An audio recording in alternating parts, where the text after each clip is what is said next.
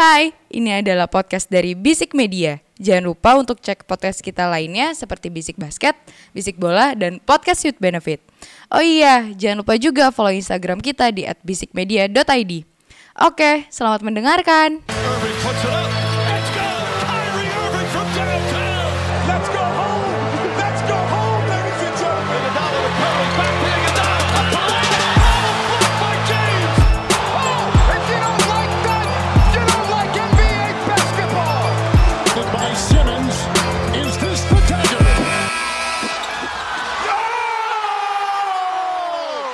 Kembali di Bisik Basket Podcast putar basket NBA dan juga dalam negeri yang diulas secara santai sebagai pecandu basket. Candu, candu, candu. Candu-candu gagal timnas Indonesia men. Eh, iya, nggak masuk, nggak lolos. 2-0 sama Vietnam. Hashtag wasit. Kalau di basket Gue, udah blow out 20 poin men. gue nggak mau nonton. Bukan apa-apa itu kalau di Gue basket nggak mau Indonesia. nonton. Mendingan Ini gue Vietnam. nontonin RRQ. Si paham tuh gua. Yoi, gue Yoi sih. lagi goblok. Ya gue lagi, gue lagi into banget soalnya sama Ah. MOBA. Hmm. Yang walaupun katanya casternya salah satu casternya bisik basket bikin, eh bisik bisik bola bikin mata perih ya. Hmm. Karena Memang iya sih. Ya, sorry, sorry. Tapi emang main kalau main game gitu ya, emang pasti kan kita butuh kenyamanan gitu. Mm-mm. Ada pe- dua pendekatan kalau menurut gua ada yang pengen praktis atau yang pengen nyaman. Oke. Intinya kan Coba satisfying kan. Heeh, heeh. Kalau kalau yang praktis kan ya udah gua main di HP kayak kayak lu Hmm. misalnya main Switch, Oh ya ya ya ya. main di game mobile, Ya. anything Ya. lah. Yang, yang yang yang praktis yang bisa lu main kapan aja gitu Mm, loh. mm.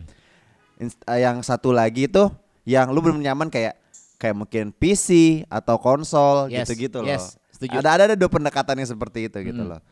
Tapi gue melihatnya kalau lu Ji, kayaknya lu prefer dua-duanya ya. Iya, gua nggak ada preferensi khusus banget. Ya Hmm. kalau misalnya untuk game-game kayak apa ya, yang MM, MMORPG lah MMORPG. jatuhnya ya. Itu gue lebih mending di konsol sih. Kalau misalnya kayak gini ya, kan kita sempat ngobrolin kemarin ya waktu kita nongkrong di sini Hmm. ada obrolan tentang Dota versus Mobile Legend lah intinya, Hmm. ya.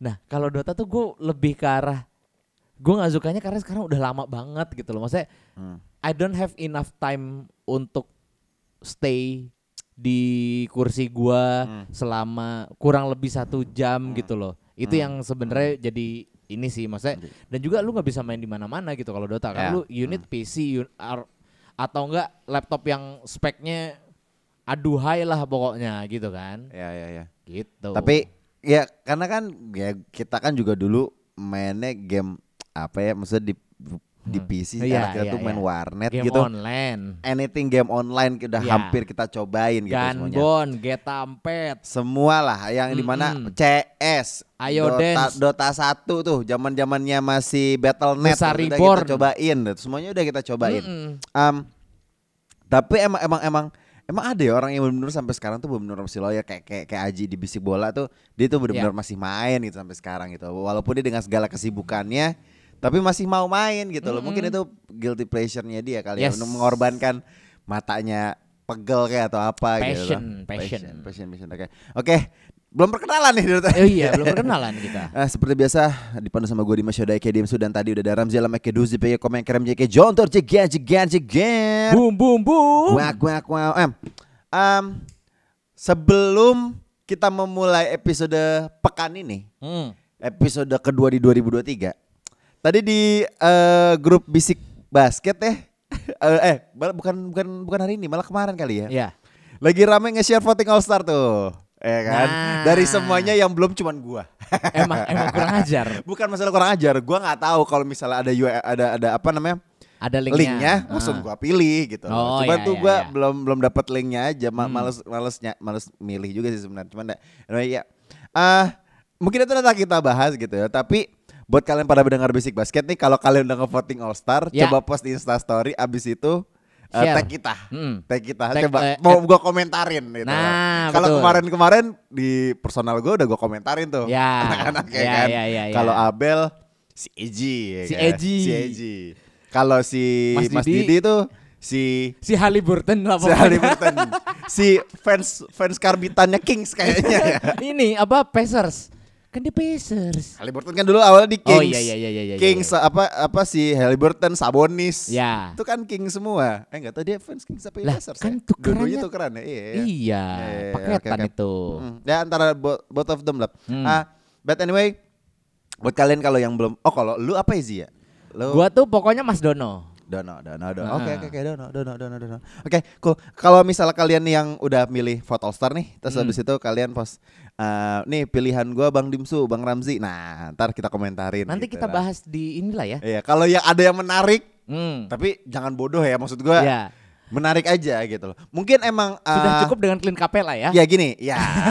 Tapi gini, emang emang acakannya gua tau lah. Maksudnya starting five dari kedua conference itu kayaknya bakal ya mungkin dari back dan front court mungkin itu itu aja gitu loh. Ya, ya, ya, Cuman akan sangat menarik kalau misalnya ada pemain yang underrated gitu. Kayak mungkin kayak tadi si Mas Dida Sabonis. X-Factor lah ya, Ada, X-Factor. ada Halliburton. Ada Halliburton. Banyak kan yang di wilayah barat tuh kayak kalau nggak Curry, Doncic gitu gitu. Ya. Ada beberapa yang mungkin ngambil Ja atau mungkin ada yang milih Damian Lillard gitu gitu loh. Atau kayak lu tadi mungkin- sih yang di wilayah timur ngambil Donovan Mitchell gitu gitu. Iya. Ah kalau misalnya ada yang menarik dan punya alasan yang cukup logis Mm-mm.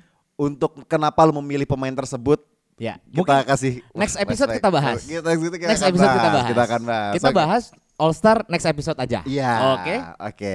Oke, kita masuk ke review yang pertama. Ya. Ada apa tuh? Di hari ini nih harusnya nih. Kita tadi tadi gua kayaknya nggak gua nggak nonton sih cuman lihat highlightnya doang. Brooklyn Hmm. Nets melawan Miami Heat 102 101. Tipis, tipis. Tipis banget. Mm-mm. Um, by the way, Ben Simmons 4 poin, but he leads in assist though. Um, Kalau 15 ya. poin aja. Ya 15 poin aja.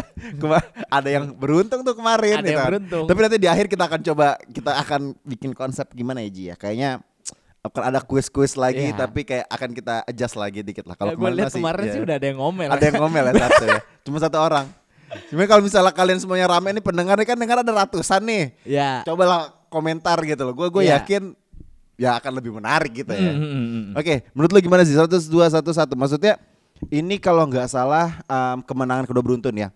Karena sebelum eh, tiga sorry dua apa tiga game terakhir yang sempat kita preview Heeh. Brooklyn Nets melawan Chicago Bulls itu kan Bulls eh, menang ya Menang. melawan Nets kan. Hmm. Nah sebelumnya Nets itu ternyata lagi 12 winning streak man. Oh iya iya iya iya iya iya iya. Iya. Iya. Kalau nggak salah kemarin tuh sempat 13-2 kalau nggak salah dalam 15 game terakhir. Ya, Eh kalau di game ini jujur walaupun harus dibayar mahal banget ya dengan cederanya KD yang akhirnya tapi udah ada beritanya. Maksudnya KD kenapa udah ada hasil ininya? eh tahu gue belum Ya kan, karena baru baru Ricardo Senko, baru right? hari ini deh kayaknya untuk masalah recovery-nya berapa Ya kan? lama ya. Ya kan baru main hari ini, baru Iya, tadi, tadi pagi. baru baru mau diceknya tuh hari Hmm. ini.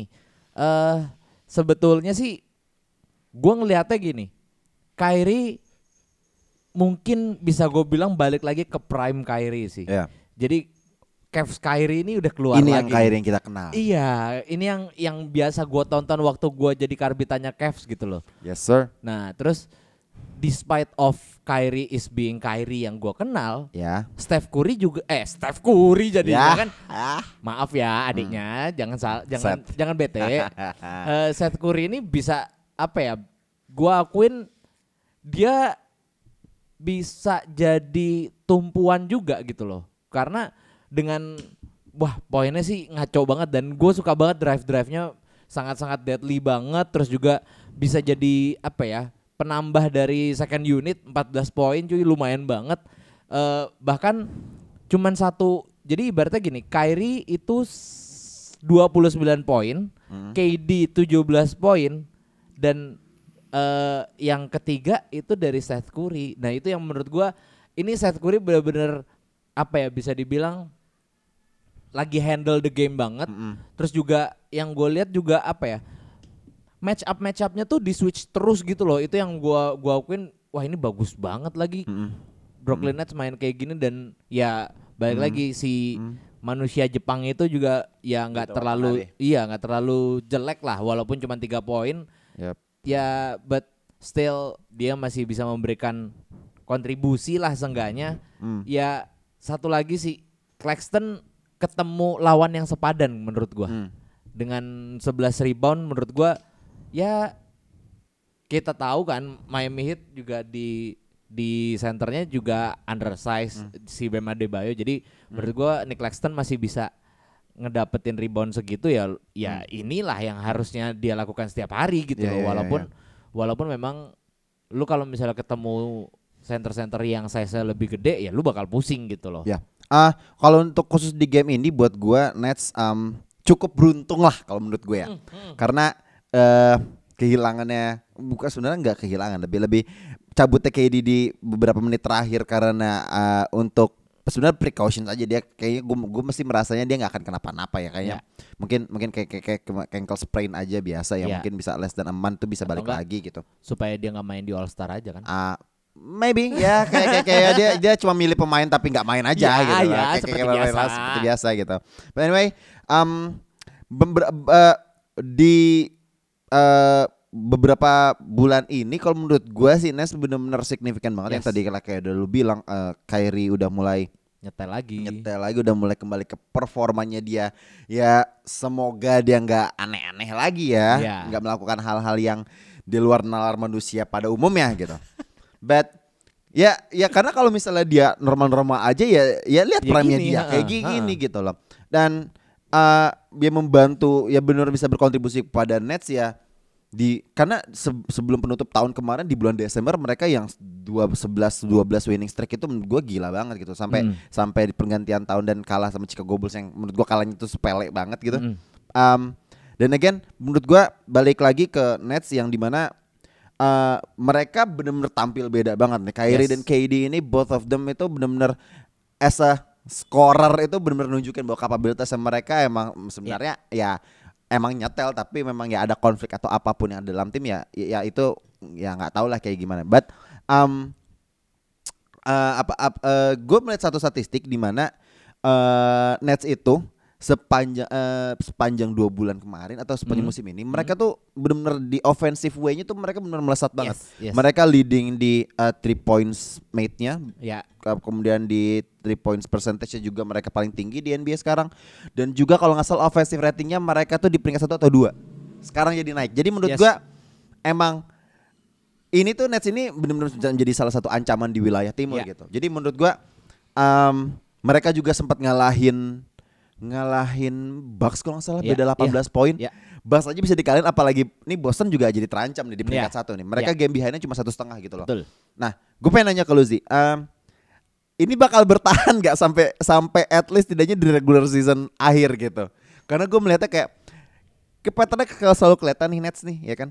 Di saat mereka lagi bagus-bagusnya, eh ada satu yang cedera, terus abis itu ntar buruk lagi, lama-lama lama buruk, ntar malah bangkit lagi. Eh akhirnya musimnya nothing gitu. Karena patternnya udah mulai kelihatan nih. Ini lagi bagus-bagusnya ini tadi nih 11-12 game winning streak. Ya. Eh KD turun, Eh, cedera. gitu. tapi kalau menurut gua pikirin? di musim ini mereka berubah sih. Maksudnya mereka Cie, gua nggak gua nggak melihat mereka menda apa ya mem- mem- mengarungi musim dengan Hmm. seperti musim-musim sebelumnya gitu loh. Gua nggak melihat itu. Entah mungkin karena pecutan dari KD di awal musim ya, di mana yang dia ngecengin Ah, yang jadi kan KD tuh sempat ditanyain karena losing streaknya Nets waktu itu kan terus kayak ya. lu berharap apa sama apa gua terus Royce O'Neal segala macam yang dia ngecengin intinya dia ngecengin starting line up-nya lah maksudnya Iya. menurut gua starting line up begini tuh nggak mungkin nggak mungkin bisa menang gitu loh dan Oh. mungkin karena itulah kelecutannya gitu loh Ya. jadi jadi kalau misalnya kamu memang jadi star player di dalam sebuah franchise mendingan agak komentar pedes juga kayaknya Iya, ngena iya, juga iya, ya Iya, iya. Tapi ah ya lanjut lanjut lanjut lanjut. Nah, tapi buat gue sih sebenarnya gini ya, selama eh rotation playernya ini pemain-pemain yang ada di benchnya ini juga bisa balik lagi kayak comes up with the deal ya, maksudnya Ya. Ya harus bisa gitu loh. Seth Curry juga harus konsisten, Nick Claxton juga menurut gua banyak PR-nya tapi seenggaknya udah mulai membaik. Free throw dia jelek sekali. Terus juga dia dia harus tahu gimana caranya untuk emphasize Hmm. dia yang apa undersize gitu loh. Terus juga Yuta Watanabe gue lihat kayaknya belakangan ini waktu itu sempat dibilang ini bagus banget three pointnya sampai mau masuk ke three point kontes ya kan. Tapi ya di game ini cuma tiga poin doang. Dan menurut gua itu yang harus di jadi PR-nya net sih karena iya. kehilangan KD menurut gua cukup signifikan dan akhirnya balik lagi pundaknya Kyrie yang berat lagi gitu loh. Ya tapi menurut gua nggak nggak akan lama lah kalau kayak KD. Maksudnya kayak kan pas pas di game itu kan juga dia kan kayak kayak cuma ketiban sama Jimmy Butler ya terus habis Iya. itu dia masih bisa jalan cuman agak-agak limping sedikit gitu Hmm. but gua menurut gua kayak paling cuman kasih batu es. Nah. kalau main ya kan gitu biasa main Iya, iya, iya, kasih batu es dan yang paling engkel kan cepet lah sembuhnya less than a tuh udah udah bisa lu main lagi gitu udah Mm-mm. normal lagi gitu kalau misalnya nggak ada rupture atau ada apa pun gitu Yep. ya. But um, yang gue pengen yang yang gue agak penasaran ya adalah eh, karena kan kita udah ngelihat Nets ini udah berjalan eh duonya ini kan udah hampir apa? Tiga- Udah tiga 2019 tahun. ya. Tiga tahun. Udah hampir tiga tiga empat tahun gitu. Iya. Tapi mereka nggak menghasilkan apa-apa gitu. Jadi buat gua sedikit momentum kebangkitan mereka itu pasti akan selalu ada prasangka Mm-mm. entah baik atau ada, ada pikiran bahwa kayak ini mereka akan benar-benar udah menunjukkan mereka akan menjadi tim yang contending lagi Iya. kah atau ya another bust year aja gitu. Ya kan pasti kan pastinya akan selalu Ah. seperti itu gitu. Pasti sih. Iya. Tapi ya menurut gua gua nggak yakin sih kalau misalnya seenggaknya musim ini lebih baik daripada musim sebelumnya lah. Walaupun waktu itu kalau nggak salah itu mereka kayak tuh jargon New Year New Me orang-orang bokis gitu aja. ya. resolusi 2023. yang mana resolusinya masih sama dengan 2022. nah, terus juga on the other hand menurut gua eh, Miami juga apa ya? nggak playing their best game gitu menurut gua. Ah, mereka lagi buruk aja. Iya, dan juga gue ngelihatnya kayak line up mereka tuh kayak outdated banget sebetulnya. Iya. Maksudnya Jimbut udah lewat prime-nya, Kyle Lowry udah mulai menurun Kalau Jimbut sorry sorry, kalau menurut gue Jimbut bukan lewat dari prime ya. Emang udah segitu aja tapi nggak ada yang Iya. ada yang nolongin. Iya, Bam Adebayo juga ya Kayak kayak sama stack aja stack iya, segitu aja. Sama kayak sama kayak si Jimbut yang lu bilang, maksudnya Cuma eh, segitu aja nih. segitu aja, segitu udah, aja gitu. levelnya segitu aja. Even Tyler Hero pun juga kayak gitu. Dan sebenarnya kuncinya sih sebenarnya di Kyle Lowry sih menurut gua. Kyle Lowry ini Man, udah I mulai my calorie udah it's too old for Uh, that shit, Iya, bro. dan maksudnya lu harus ada permajaan sih intinya. Lu di bench masih punya Oladipo. Oladipo yang tidak tidak terlihat sama sekali, sorry to say. Mm-mm, itu dan kayaknya rather than lu nge-emphasize si Oladipo dan Kyle Lowry ya, gue lebih gue lebih setuju kalau misalnya lu eh kembangin lagi sih kayak macam-macam Max terus, maksudnya yang yang youngster youngsternya gitu loh yang yang masih yang masih bisa giving the their all gitu loh Mhm. menurut gua ya kayak Max, Iya. Max terus tuh lumayan tau sebenarnya Iya, iya, iya, iya, iya. Oke, oke, oke. Um, ya, ya ini kan persaingan di wilayah timur gitu ya. Hmm. Karena karena em, kalau be- dari awal musim sampai seka, beberapa minggu terakhir kita ngetek episode gitu aja ya, Hmm. gue merasa ah udah nih udah udah eh, wilayah barat udah mulai stack lagi nih. ya Udah, ya. udah udah mulai sepadat itu ya karena iya udah bayangin 1 sampai 10 lu lihat game behindnya berapa nih. Sepadat ini men. Gue selalu bilang kayak gitu Iya. kan. Sekarang nih wilayah timur nih malah yang malah Lagi agak lagi lagi padat nih. Lagi deg-degser nih. Wilayah yang lagi kayak karena di wilayah timur tuh sampai 1 sampai 5 tuh kalau nggak salah bedanya cuma dua setengah sampai ke Tiga uh. Sixers. tiga setengah, Tiga setengah sampai Sixers. Sedangkan satu ke lima si kalau nggak salah di wilayah barat itu ada Denver Nuggets dengan yang limanya itu Sacramento Kings tim Yep. yang lagi emerging banget nih. Lima Bedanya setengah. lima setengah gitu Yep. loh. Jadi kan papan atasnya wilayah timur lebih ketat nih daripada Hmm. wilayah barat gitu loh. Em, apalagi juga ditambah dengan pemain-pemain yang eh sorry tim-tim yang eh kayak eh Bucks terus abis itu bu, apa Celtics, Nets dan it- itu kan tim-tim yang apa ya yang yang udah biasa ada di atas Yes, gitu kan. yes. Sedangkan wilayah barat tuh tim-tim yang coba lihat tuh Denver, tiba-tiba ada satu lagi, ada Pelicans, ada Grizzlies, Golden State, Suns tuh nggak ada tuh di di sana tuh nggak ada Ya, gitu. nggak ada loh. di top 3 lah Jadi menurut gua ya oke Barat lebih lebih lebih fresh banget nih dengan lebih mungkin ketatnya dalam artian bany- banyak tim-tim baru yang yang apa sih yang lagi meningkat gitu loh. Hmm. Tapi di wilayah ba eh sorry di wilayah timur tuh kayak mereka-mereka aja Tapi tuh kayak persaingan tuh Ketat. jadi nggak jelas gitu Iya, loh, iya. ketat gitu. Ketatnya tuh kayak nih sebenarnya yang bagus nih siapa gitu. Kayak gitu-gitu sih. Jadi Kayak semuanya lebih ba- lagi bagus eh, dan bagusnya tuh konsisten, men. yes, itu dia. Gitu Itu kayak dia. Bucks dan Celtics ini kan tim-tim yang selanggaran playoff dan bisa melangkah jauh gitu. Mm. Kalau Nets kan selalu dihempaskan gitu. Nah, Nets ini nih lagi di peringkat dua nih. Heeh. Momentumnya lagi Itu bagus nih. dia. Makanya tadi gue nanya, kira-kira nih peluangnya mereka dari regular season nih. Kayak gimana nih? Sekarang mereka lagi di peringkat dua. Bentar akan lagi ada All Star break. Nah, pas setelah All Star break, pasti kan dua dua bulan I think, I think sampai abis puasa lah udah mulai playoff gitu loh. Kalau Brooklyn Nets sendiri kayaknya mereka masih bisa konsisten di Playoff situ. spot gue yakin. Playoff Tapi seberapa percaya diri lu untuk mereka bisa aja mereka ini berbeda banget nih. Gitu. Seenggaknya mereka Karena kan lu dulu kan di awal kan Nets banget nih. Iya. ya ya ya ya, gue karbit Sebelum Nets ganti ya. Atlanta Hawks kan. Hmm. Kalau menurut gua tapi gini ya. Untuk melangkah jauh di playoffs nantinya atau selama regular season deh. Selama regular season menurut gua mereka masih bisa untuk berada di situ di playoff spot yang ya top 3 lah menurut gua. Top top Untuk- 4 lah. Top 3, top 3. Top Gue three. masih bilang Yakin? top 3. Nih, Yakin, oke, oke, gue yakin. oke. Ini prediksinya Ramzi. Ah. Go on. Tapi untuk menjuarai conference yang akan menuju ke finals menurut gue belum. Yakin? Yakin. Belum. Belum. Kenapa? Ke ke conference finals maybe. Ah. Ke finals nah kayaknya Ala, enggak. ala, gue udah mulai kebayang, tapi gue pengen tahu alasan lu apa. Gue punya alasan sendiri.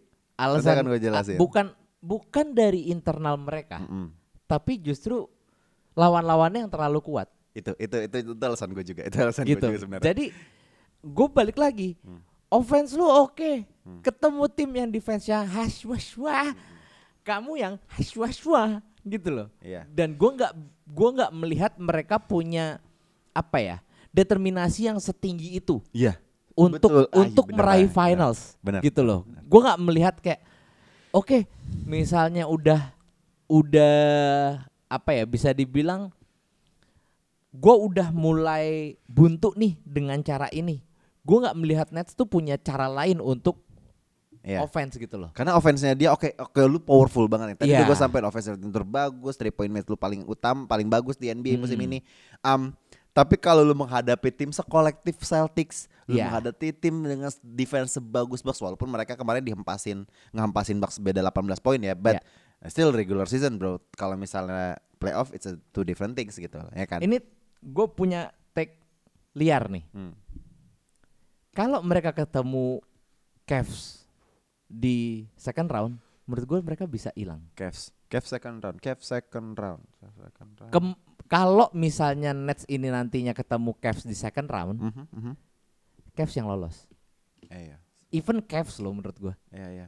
Karena Cavs tipe yang kolektif banget, Yes, itu bagus, dia. bench Itu dia. Iya, gue selalu yakin dengan uh, second unit yang Iya. bagus tuh wins Mereka the, punya banyak cara wins the lah. series bukan Yes. nggak hanya wins the game, wins Iya. the series. Wins gitu the loh. series. Karena karena lo se, se, se stack itu lo punya tim balance dengan starting dan juga bench playernya, Hmm. otomatis lo akan ya ya ada racikan pelatih juga. Iya. Tapi kalau misalnya pelatihnya punya segitu sebanyak sumber daya, lo Iya. akan lebih mudah menghadapi playoff yang sekat se sesempit itu dalam Iya. waktu jarak bermainnya dan selalu tiap game itu penting gitu. Kecelai sekali dua kali mah bisa. Ya, Ya, kan? ya. Kecuali lu emang apa ya?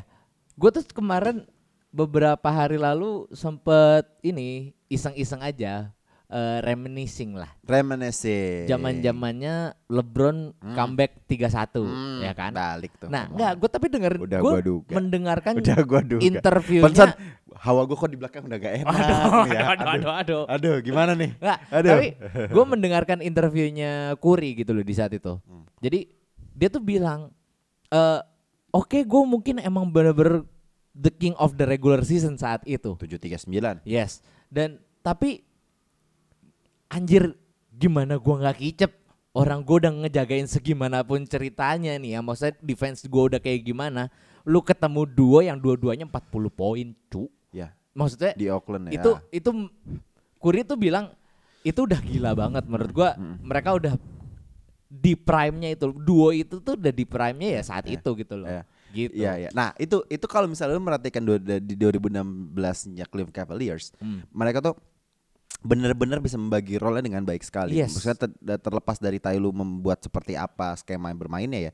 Tapi emang duo Kyrie dan LeBron pada saat itu dengan ofensifnya yang bisa mengalahkan Golden State, tapi kita luput bahwa di di di setiap gamenya itu Kevin Love, Shumpert, GR, even uh, Channing Frye ataupun Richard Jefferson. RJ itu tuh bener-bener nge-lockdown semua pemain gitu Yes, loh. Even yes. set set set, set lah. Tadi lo bilang step malah gue malah yang ngomong set. Kebalik ya. Emang gue tuh tidak suka yang di bawah overshadow pemain bagus tuh gue suka selalu inget. Emang lu keren sebenarnya main santai-santai. Ayo, ayo bisa bisa gitu. But anyway, menurut gue kayak emang sebenarnya eh ada porsinya gitu. Tiap pemain eh, pemain yang dua yang bener ofensifnya. Sedangkan orang kadang lupa bahwa defense-nya itu juga penting gitu loh. Mm, Sedangkan pemain-pemain dengan kredit defense yang sangat bagus tuh kadang suka luput gitu loh. Ya. Nah, balik lagi ke Nets, menurut gue juga setuju dengan yang tadi bilang kenapa lu ngomongin eh, kalau misalnya eh, Nets ketemu Cavs di second round itu ya chance-nya itu besaran Cavs karena emang Cavs modalnya lebih besar daripada Brooklyn Nets yang Yes. hanya mengandalkan ofensif ya. Ya oke lu punya dua dua pemain yang satunya scoring champion, yang satunya one of the best point guard in NBA saat ini gitu Ya. loh. Tapi Cavs kan juga sekarang punya Dono, punya Darius Garland. Punya punya masa depan yang mentereng. Betul. Kombo kombo tua mudanya tuh lebih asik gitu Cavs. Jadi kalau menurut gua kayak sebenarnya Nets juga sebenarnya ada PR besar yang di mana menurut gua harus mereka sadari sebelum mereka nanti masuk ke playoff. Ya, kecuali mereka benar-benar bisa melakukan apa ya? Bisa gue bilang defense yang benar-benar gila-gilaan gitu loh. Intinya kalau misalnya defense lu gue nggak melihat mereka punya apa ya? Punya pemain-pemain yang in defense tuh gue harus ger gitu loh. Wuh, wuh, wuh, wuh. Ya. Nggak ada, nggak ada. Gue nggak ngeliat itu. Ya. Royce O'Neal ya udah. Royce O'Neal. Dan Claxton, well ya. Claxton ya undersize. Susah, susah menurut gua. Ben Simmons, ya all around tapi nggak optimize. Iya, iya. Itu iya. tuh itu itu defin, eh, kalimat yang sangat definitif untuk Ben Simmons. Menurut gua Susah Oke. sih kalau ngomongin dia. Oke Capek. kita ngomongin oh, yang lain aja deh kita Ya. ngomongin yang lain aja. Tadi udah kita udah nyinggung Cavs, udah udah sempat singgung satu nama ada Donovan Mitchell, pemain yang tadi udah lu sempat pilih juga di vote All Star tahun ini. Yang dari awal musim juga lu udah selalu menyinggung mention dia juga gitu. Mm-mm. Yang sampai eh, kita bilang eh, dia selalu All Star tapi belum pernah starter karena dia di wilayah barat ya. Oke lah kita mengerti wilayah barat kan sestek itu. Ya. Ada Doncic, ada Steph, ada ya ada Dame juga Mm. ya kan. Jadi kalau lu pengen menjadi starting di All Star tuh kayaknya akan sangat sulit gitu. Ya. Tapi dia udah pindah nih ke wilayah timur gitu. Yang di mana wilayah timur mungkin uh, persaingan untuk backcourtnya tuh udah ya bisa bisa apa ya kemungkinan untuk jadi startingnya lebih mudah lah karena lebih sedikit gitu. Masa iya kamu mau masang Harden sih? Iya, masa kamu memasang Trey Young Ah. sama Knicks aja dihempas. yang kayak gini Betul gini nih? Gini gini. Kalau kalau kita ngomongin Donovan Mitchell pasti gue yakin banget dia akan ada di All Star musim ini. Ya. Kecuali kalau misalnya ya God forbid dia cedera atau gimana gitu. 70 fucking points. 71 points man. 71 ya? 71 points. Itu di game melawan siapa ya? Utah Jazz. I Utah mean. Jazz kalau nggak salah. Utah Jazz ya? Eh, iya. Mm, 71. Gila, maksud gue Cowok. 71 poin tuh Pemain kelima yang di atas 70. ya. Eh, terakhir tuh eh, Booker ya? Booker ya? Booker masih 60-an deh setinget gua. No, no, Booker 70 sampai 70. Booker 70 ya? Musim kemarin deh kalau saya Iya, lupa, iya, dia iya, sempat iya. 70. Ya. Tapi kayak ya ya kita udah sempat pernah bahas gitu loh offensive threat terhadap pemain-pemain yang tangguh kayak ya udah ya kita ngeliat 40 30 poin itu sangat-sangat mudah gitu untuk Mm-mm. pemain-pemain uh, di NBA sekarang gitu kan. Ya, ya, ya. Ya All Star play itu banyak banget. But itu nggak mau gua bahas karena kita udah sempat bahas. Um, Donovan Mitchell dia akan di All Star. Tapi kalau as a candidate MVP, kalau kemarin kan kita sempat bahasnya kayak SGA, Doncic, aman kemudian uh, Jokic lagi, Yanis lagi, but gimana kalau misalnya chance-nya Donovan Mitchell? Enggak, gua nggak masih- Kecil memang. Masih masih But kecil ya, sih kecil gua. memang. Eh. Tapi apa mungkin mungkin agak gua kerucut lagi pertanyaan sih. Mungkin gini. Faktor apa yang bisa membuat dia can be an MVP player musim ini? Sulit. At a contending lah. Maksudnya oke kalau di MVP race dulu ada nama dia dari lima tuh ada namanya dia deh gitu. Kita nggak usah ngomongin dia MVP ya ya karena emang agak-agak susah memang. Tapi as a slightly up untuk jadi contending race ke peringkat top 5 itu apa buat faktornya? gua konsistensi sih. konsistensi. Sama eh defense-nya sih. Menurut gua kalau misalnya dia bisa defense-nya lebih gila lagi, oke as in offense lu udah udah dapet nih. Mhm. Tapi menurut gua as in defense lu masih belum segitunya. Gitu. Mhm. Itu satu. Ah. Dan yang kedua ya balik lagi konsistensi menurut gua. Hmm. eh kita ngelihat beberapa nama yang ada di atas di MVP Kia MVP leader ya. Hmm. Itu semuanya yang benar-benar literally konsisten dan literally bisa ngebopong satu franchise gitu loh. Hmm. Jokic, terus Jason Tatum. Hmm. Ya mungkin Jason Tatum sebenarnya nih gue jujur agak sedih sih sebenarnya sama Jalen Brown sih. Kayak Jalen Brown. iya Jalen Why? Brown, Jalen Brown tuh apa ya? Menurut gua deserve a Underrated. credit lah intinya. Underrated. Yes, deserve a credit da- karena Boston Celtics gak cuma Jason Tatum doang sebener- sebetulnya. iya. Beberapa game terakhir tuh eh gue lupa game kapan gitu. Dua-duanya sama-sama 3 39 40 apa kalau nggak salah. Oke. Iya kan? Ya ya. Maksudnya dan yang 40 itu Jalen Brown. Mm-mm. Menurut gua ayo dong. hey, Jalen Brown ini juga Ah. jangan mentang-mentang warna dong, nggak gitu. Hah? Oh, bukan ya. Warna. Warna. Warna. Ini. Apa itu? Ini. Apa itu? Aku benar-benar tidak tahu saja. ya, gue nggak usah apa-apa. ya, ya. Ya. Tapi eh, gimana? Dan kalau buat Dono menurut gua itu balik lagi konsistensi karena menurut gua Hmm. Lu udah bisa eh, ngebawa Cavs. Hmm. Cuman Cavs ini sebetulnya eh, yang jadi highlightnya adalah balik lagi Hmm. itunya apa kolektivitasnya. Mm-mm. Jadi bukan karena one man team gitu. Nggak unlike eh Doncic, Dallas unlike ya. unlike Ja. Denver, unlike Ja gitu menurut gua Hmm, sih. Jadi menurut gua kalau misalnya ngelihat kita bisa ngelihat Donovan Mitchell di MVP race tough, berat dan Berat. menurut gua hampir zero chance. Hmm. Hampir zero chance. Ya. Ah sebenarnya i, i gimana? Gue bisa bilang 99% 90% gue setuju sama lo, tapi ada satu cara gimana menurut gua Donovan Mitchell untuk bisa menjadi MVP. Um, Ngalahin rekornya Kobe. bukan, no, Oh, enggak, Oh, enggak, enggak harus. Nggak- terlalu- nggak It's too segitu- far, man. segitunya ya. Lu melakukan suatu hal yang di mana lu selalu di repost sama Bleacher Report atau NBA. karena ya masalahnya adalah karena gini, it- bigger picture-nya adalah kalau misalnya emang lu emang bener-bener ini mungkin eh bisa dibilang apa ya semacam rahasia umum yang orang nggak orang nggak nggak mau sebutkan lah ibaratnya Hmm. Kalau misalnya emang lu sebagus itu underrated overrated itu kan tergantung tergantung publik menilai ya. Mm-mm. karena kalau misalnya performa kan ya udahlah itu bisa debatable gitu loh. Karena kalau misalnya secara performa itu ya secara perform hanya melihat dari parameter performa menurut gue dia pantas ada di sana gitu loh. Eh, Yes, yes. Nah, tapi kan untuk being an MVP ini kan harus ada istilah kasarnya tuh bisa ada yang bisa dijual. Jualannya nih. Gitu loh. Hiburannya. Hiburannya. Ini ini ini efek apa eh, penilaian dari apa penilaian dari sisi sisi sisi non teknisnya ibaratnya ya. Mm, mm, mm. Menurut gue sih kayak gitu. Jadi em, tapi kan kita nggak pernah tahu ini caranya gimana dia, dia bisa benar-benar di repost terus sama media-media mainstream gitu kan. Several times sudah sih maksudnya dengan Tapi kan lu nggak nggak yang 9 post tentang lu doang gitu loh. nggak kayak Nggak kayak jamuran dulu gitu loh anjir. Jadi tiba-tiba yang mana dia lu baru di Sopomerir atau di musim ketiga lo bisa menjadi kandidat MVP gitu. nggak sekarang. Ada ada value-value yang seperti itu gitu loh. Sekarang gini, orang dia miss dang aja jadi highlight anjing anjing.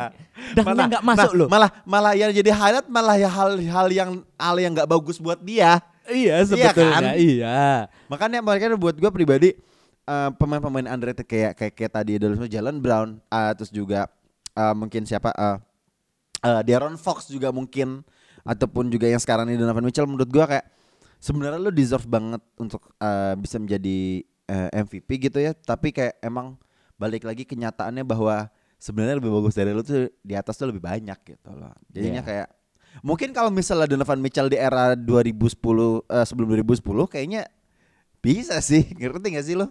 Karena dikit banget guard-guard yang bisa poin sampai 70 sampai 30 gitu-gitu loh. Eh, Emang eranya tuh udah bergeser.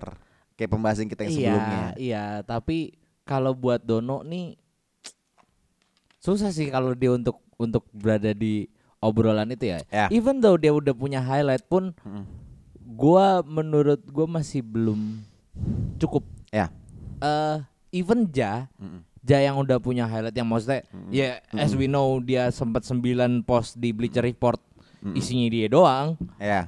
eh dia masih belum sampai top 5 di Kia MVP leader setahu Iya, gua, iya. seingat gua. Dan menurut gua agak berat untuk guard yang macam dia nih. Hmm. Gitu kecuali yang guardnya yang bener-bener mentereng ya menurut gua bahkan gini yang yang backcourt yang lagi hangat di MVP leader it, di MVP leader itu cuman. Doncic Jokic. Enggak, front, Tatum. ba- backcourt, backcourt. Oh, backcourt. Backcourt cuma Steph.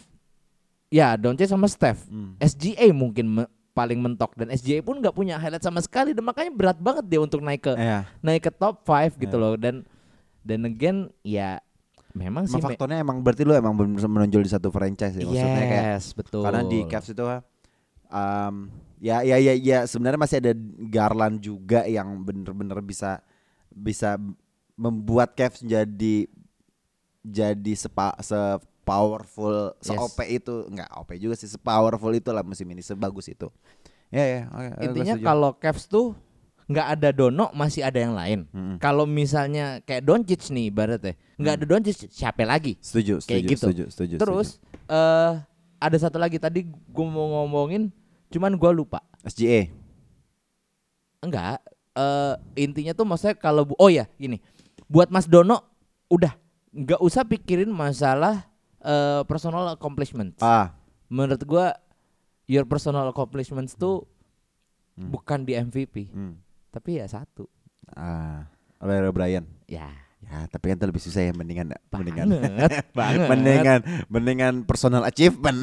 Iya, daripada kamu nggak dapet apa-apa kayak Chris, Iya, eh kayak. Chris Paul, eh ah, kayak Damian Lillard. ha?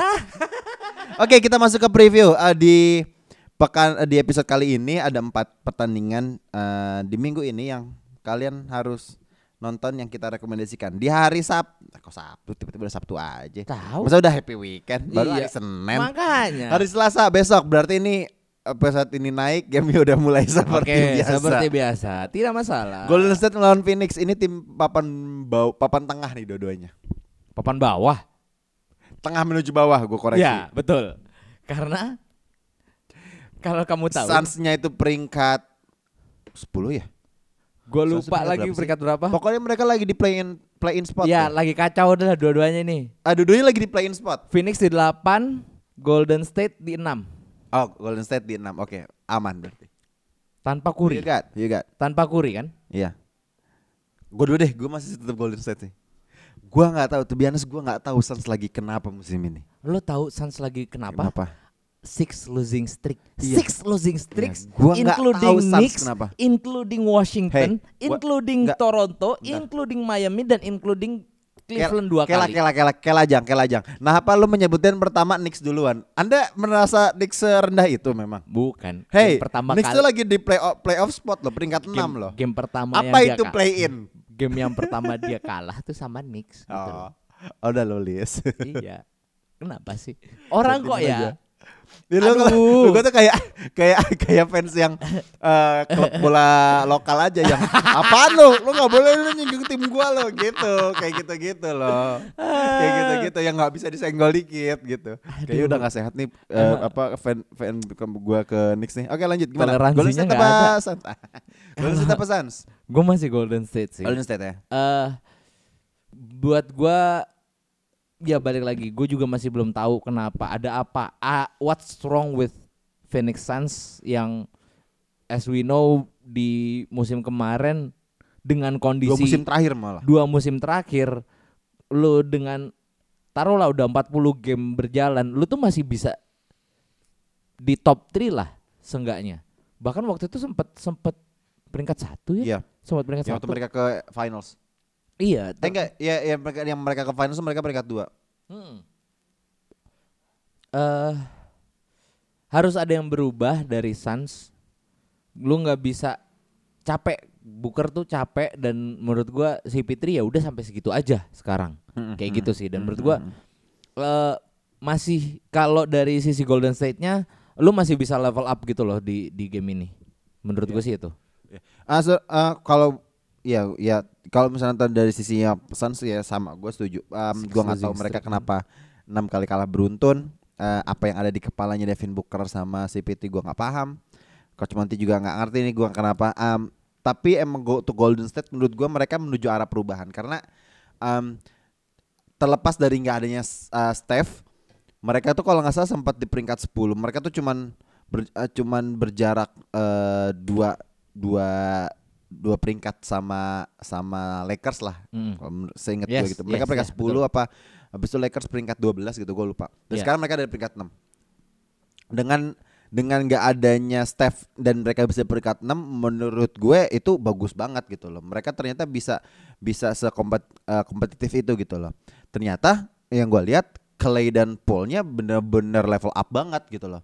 Kalau Paul ya oke lah, mereka dia dia dia jadi jadi offensive player yang sangat menguntungkan banget buat buat Golden State gitu loh. Oke. Kayak kayak, kayak Wiggins, Wiggins juga mungkin eh, ya ya dia dap, udah dapetin ritmenya dari musim kemarin tapi ya mungkin dia dia sangat cukup lah untuk bisa menopang eh, Golden State gitu loh. Lagi championship yang over. Lagi championship over dan juga ya ya ya dia udah menemukan ritmenya lagi lah setelah Ya. cabut ya kan. Maksudnya setelah juara gitu gitu loh. Dan balik lagi ini masalahnya kedua tim ini tuh pernah kalah sama Knicks juga sih sebetulnya. Jadi- Ya, memang Oh, Manus iya. jago itu emang Oke, lu aja siap, yang siap, siap, siap. Dan juga ditambah eh Clay Thompson menurut gua Clay lagi benar-benar bagus banget. Em, Tapi ada satu sayangnya sih, Su. Hmm.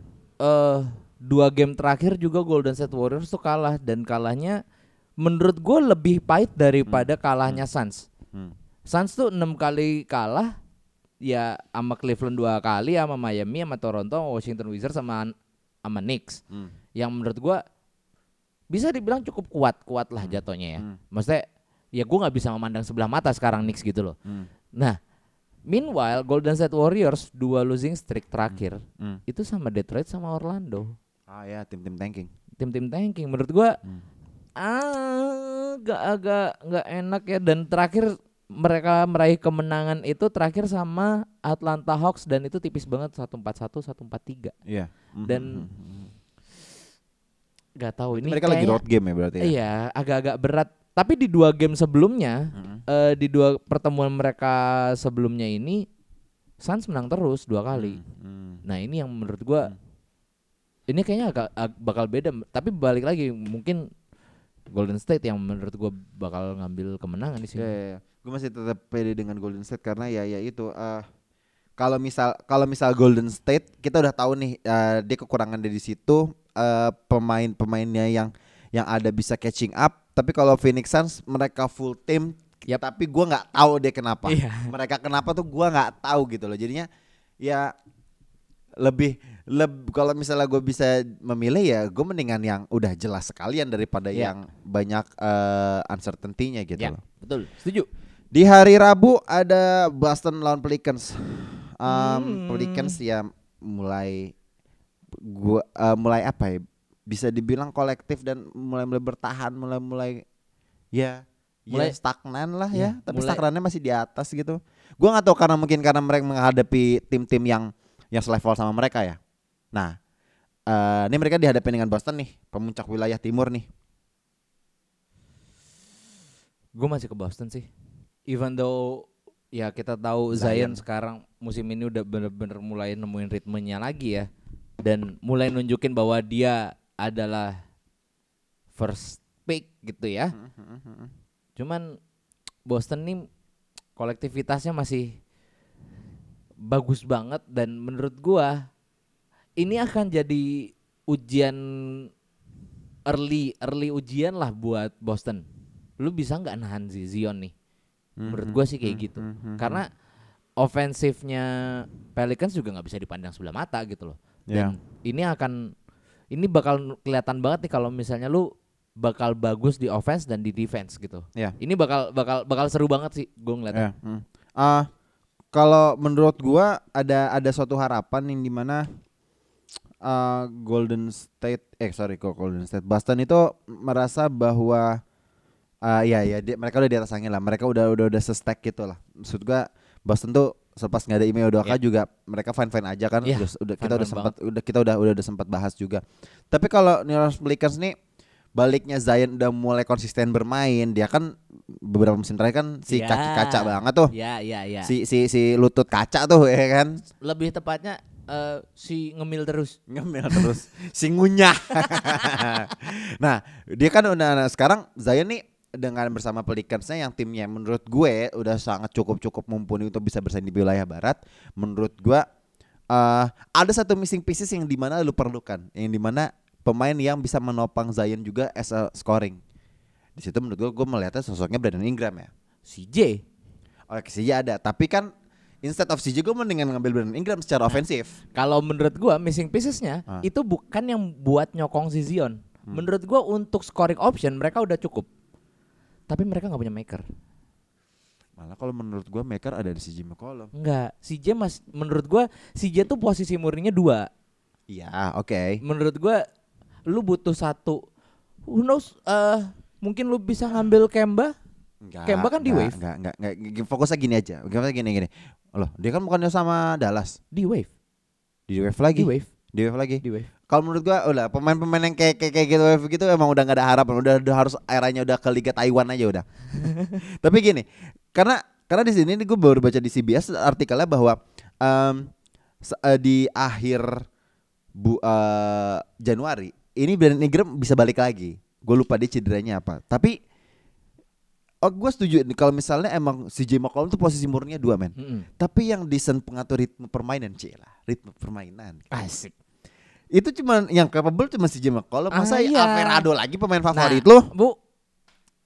Itu dia makanya menurut gua missing piece-nya tuh itu. Nah, makanya kalau misalnya udah Brandon Ingram udah main, Ah, ya, scoringnya ya. udah Boston, udah Udah udah udah. Zion. Lengkap. Mungkin ntar dari wingnya ada Brandon Ingram, ya orkestratornya bisa menjadi CJ McCollum. Nah, iya. Makanya tadi gue bilang ini tuh si CJ tuh ibaratnya Oke, gue jadi iya, iya. scoring, Ya. jadi second guy. Ini gue kerjanya berat nih. Zion juga ya udahlah, lu kerja udah porsinya tuh dodonya berat nih. Ya. Berarti lu kerja sebagai tim bertiga berempat, tapi lu ngerjainnya cuma berdua doang. Ya, Berat kan? ya, ya, nah, ya, ya. di baliknya Ingram dengan harapan oke ya karena kan Ingram di 3 4 musim terakhir kan dia 10 20 poin per game itu kan sangat menolong banget Hmm, gitu loh. Jadinya kalau udah Brandon Ingram balik secepatnya Pelicans menurut gua akan bisa menjadi salah satu Ya. ancaman besar di wilayah barat gitu. Tapi kalau buat lawan Boston ini menurut gua belum. ya, belum memang karena betul. karena eh aduh Boston nih. Udah lah Boston lah men, I Boston, mean like cowok. Boston man gitu loh. Walaupun gua nggak suka logonya ya. Eh, masih lagi aja, Masih. gua lupa lagi. Ya, Oke oke oke. Di hari Jumat. Ah ini back to back nih mereka nih. Hmm. Ngelawan Apa? Brooklyn. Sebelum lawan Pelicans, Boston tuh ketemu Chicago. cuy. Iya. Berat juga ini Iya. sebetulnya. Maka dari Boston dihajar habis-habisan men. Gila nih, gila nih. Kita lihat apakah mereka akan turun? Mm-mm. Kalau misal ah, gini, kalau misalnya mereka di ah- sampai di akhir minggu ini mereka masih di atas, berarti mereka gokil men. Iya, Mereka karena gokil. mereka juga habis ngalahin eh Dallas Mavericks, cuy. Iya. Mereka habis ngalahin Dallas Mavericks wa dengan menahan. Gue bilang menahan ya. Menahan Doncic hanya 23 poin. Yang tidak bisa dilakukan oleh Bapak Greg Popovich. Wow. Greg Popovich saja bilangnya gue bisa nahan dia 50, tahunnya 51. gitu. Nah, Ya. kalau buat Boston lawan Nets ini enggak. Hmm. Gue masih belum bisa bilang Boston bakal kecelek. Menurut gue enggak. Hmm, hmm, hmm. Five winning streak Berapa innings Drake untuk Boston? untuk Boston jadinya. Hah? Jadi menurut lo nih Boston bakal sabu bersih nih Sapu lawan bersih. Chicago Bulls? Lawan Chicago, lawan Pelicans, lawan Nets. Oke oke oke oke oke oke. Nah kita bakal terakhir nih. Kalau Eh, gue sih kalau gue sih gue sih gue sih gue pengennya Nets. Karena biar tight nih di wilayah Biar- atas nih. biar tight, Iya, ya. biar tight. Karena saya Nets itu di game sebelum menghadapi uh, Boston Nggak ada. nggak ada. Iya. Iya. Mereka bisa lebih fokus. Bisa Kurang ajar emang. bisa load man ah, Memang ah, load manage. Road management iya. Nunggu-nunggu ayo dong carry eh KD di kakinya diurut. Ayo dong. Enggak sebenarnya biar biar bisa load management biar sebenarnya uh, KD bisa bikin konten Ah. aja buat di medianya.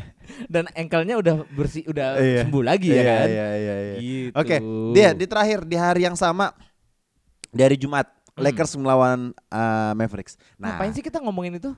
Jadi buat buat gamenya nih, Oke. buat gamenya, Iya. buat kuisnya.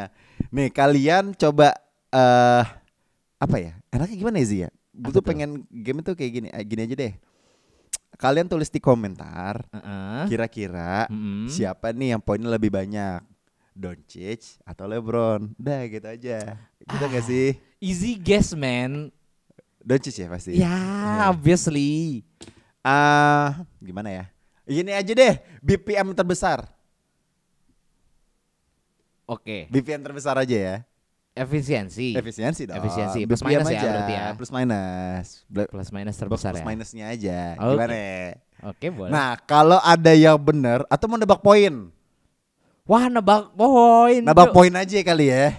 Over under. Boleh over under aja. Ya, berarti kan harus belajar judi nih. Orang-orang. harus belajar. Over under.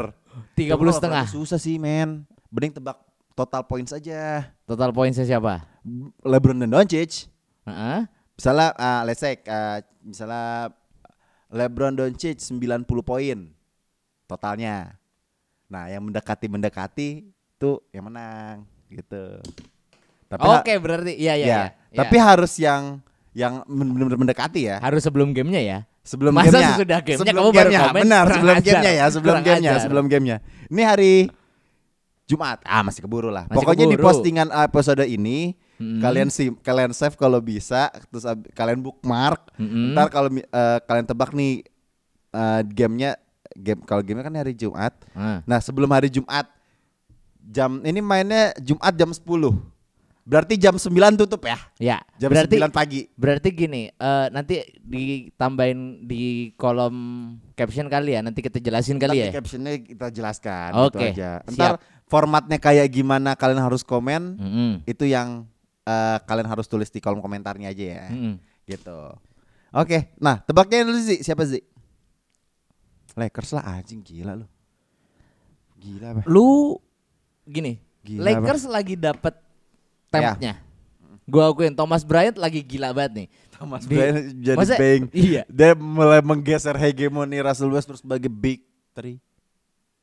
Iya. Iya.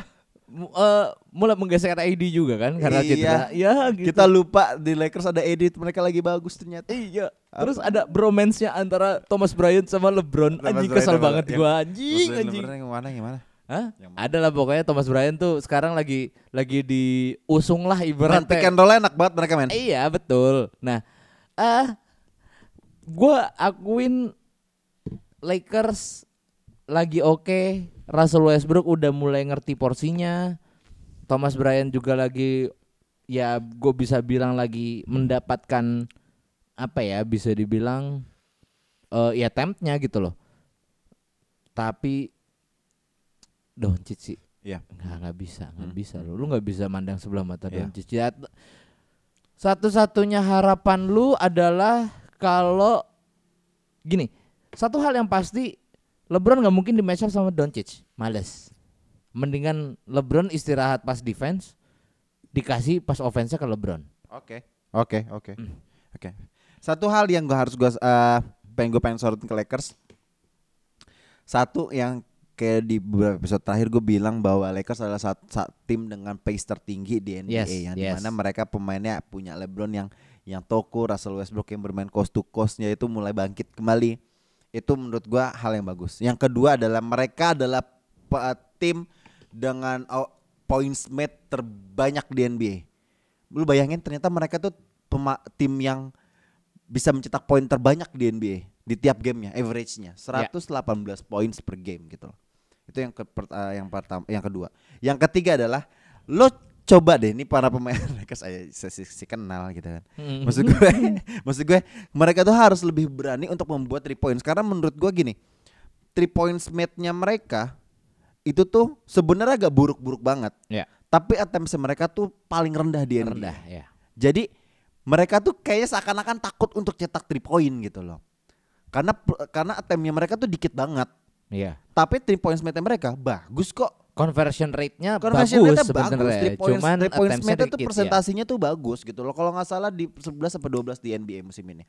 Jadi menurut gua cobalah untuk eh, lebih dieksploitasi lagi untuk nembak dari perimeter karena mereka karena kalian tuh nggak buruk-buruk banget. Iya. Lonnie Walker bisa nembak. Maksud gua kayak eh Pat Bev ya ya oke lah Pat Bev ya sesekali boleh lah oke Em, eh, terus abis itu mungkin LeBron juga bisa terus Iya. abis itu ya ya ya Austin Reeves juga sebenarnya nggak buruk-buruk banget Russell Westbrook acap kali beberapa kali udah mulai agak pede mungkin Iya. itu kayak kuncinya gitu maksudnya lu coba untuk bermain three point lagi gitu loh Seenggaknya lu nggak separah musim lalu betul gitu, itu itu. kondisinya. benar itu Russell dia. Westbrook udah bisa udah lu nggak bisa dibilang Russell Westbrook lagi dia Iya. udah mulai-mulai agak membaik lah gua nggak bisa bilang bagus walaupun membaik walaupun bank shotnya masih goblok kadang-kadang. Iya, iya, iya. Cuman ya udah lah lu. tapi bank shotnya kan mid range kan. Ya coba let's iya. try to three points gitu. Iya, yang langsung nggak usah pakai beng-bengan lah udah. Yang beng-beng kan enak. Bang sama top kan. gua ngebang lu top. Oke. Kalau tapi- gua intinya Lakers no chance. Oke. Um, it's gonna be a tight game buat gua, but Ah, Mavericks. serius lu? Mavericks um Iya, it's tight. gonna be overtime. Gue tahu tight gamenya karena apa? apa? Tight gamenya karena apa? Tight gamenya pasti karena pas Luka Doncic lagi di bench. Ya kan? Nggak mungkin. Second Maksud gua- unitnya bisa ngambil. Second unitnya Lakers Ya, bisa ngambil bisa chance ngambil, di situ. Gitu kan? Karena menurut lo? rotasinya Lakers lagi bagus-bagusnya. Iya. But um, kenapa gue bisa bilang overtime? Karena ntar di sat- satu possession uh, lagi lagi offense-nya Dallas Maverick Hmm? uh, Doncic. last shot Doncic gak masuk Oh, serius. karena dijaga LeBron. Wah, seru ya kalau itu kalau itu Ah, ya iya. ada ada karena dijaga LeBron oke setuju. Kalau karena dijaga Russell Westbrook oh makin lolos. Eh pasti menang dong udah clutch gitu kan. Lolos, lolos. Oke sekian episode ke 120 sekian dari Bisik Basket episode kedua di 2023. Ya. Gue Dimsu. Gua Ramzi. Kita semua cabut. Bye bye. Bye.